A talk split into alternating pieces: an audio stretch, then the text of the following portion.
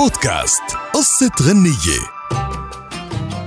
قصة أغنية لليوم بعنوان مربى دلال لزياد الرحباني ما كانت أغنية مربى الدلال وحدة اللي عبر فيها زياد الرحباني عن الدراما والقصص المثيرة اللي ملأت حياته ولكنه عبر فيها عن حب حياته حتى أنه صاغ بارتجالية ساخرة من واقعه اللي كان عايشه وكأنه عم بيوجهها لدلال كرم الفتاة اللي أحبها وتزوجها لكنه كتب لها الأغنية بعد انفصاله عنها مش ليعبر عن شوقه لإلها ولكن ليسخر ويرد على الانتقادات اللي طالته بعد انفصاله عنها.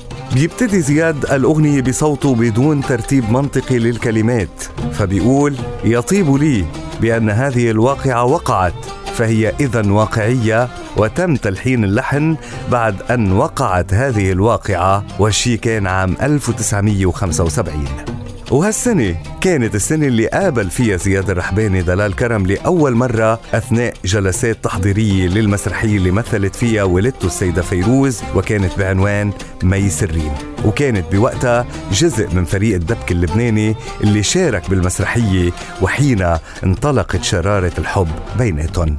كتب زياد هذه الأغنية بعد طلاقه الرسمي من دلال بأوائل التسعينيات حين قرر زياد الرد على هذه التصريحات. طبعا بهالأغنية غلبت شخصية زياد بطريقة رده.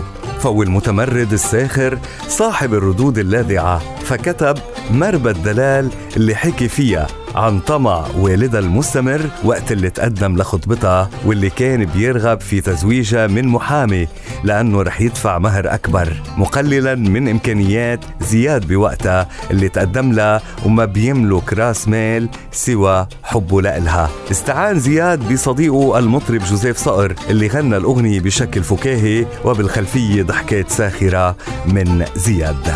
من كلمات هذه الأغنية اللي بيقول فيها مربى الدلال ربوكي وتعذبوا فيكي يا دلال ورحنا نكلم أبوكي ويا ريتك كنت شفتي شو قال على كل حال على كل حال. يعني بكل الأحوال ممنون أنا لأبوكي ممنون على الاستقبال.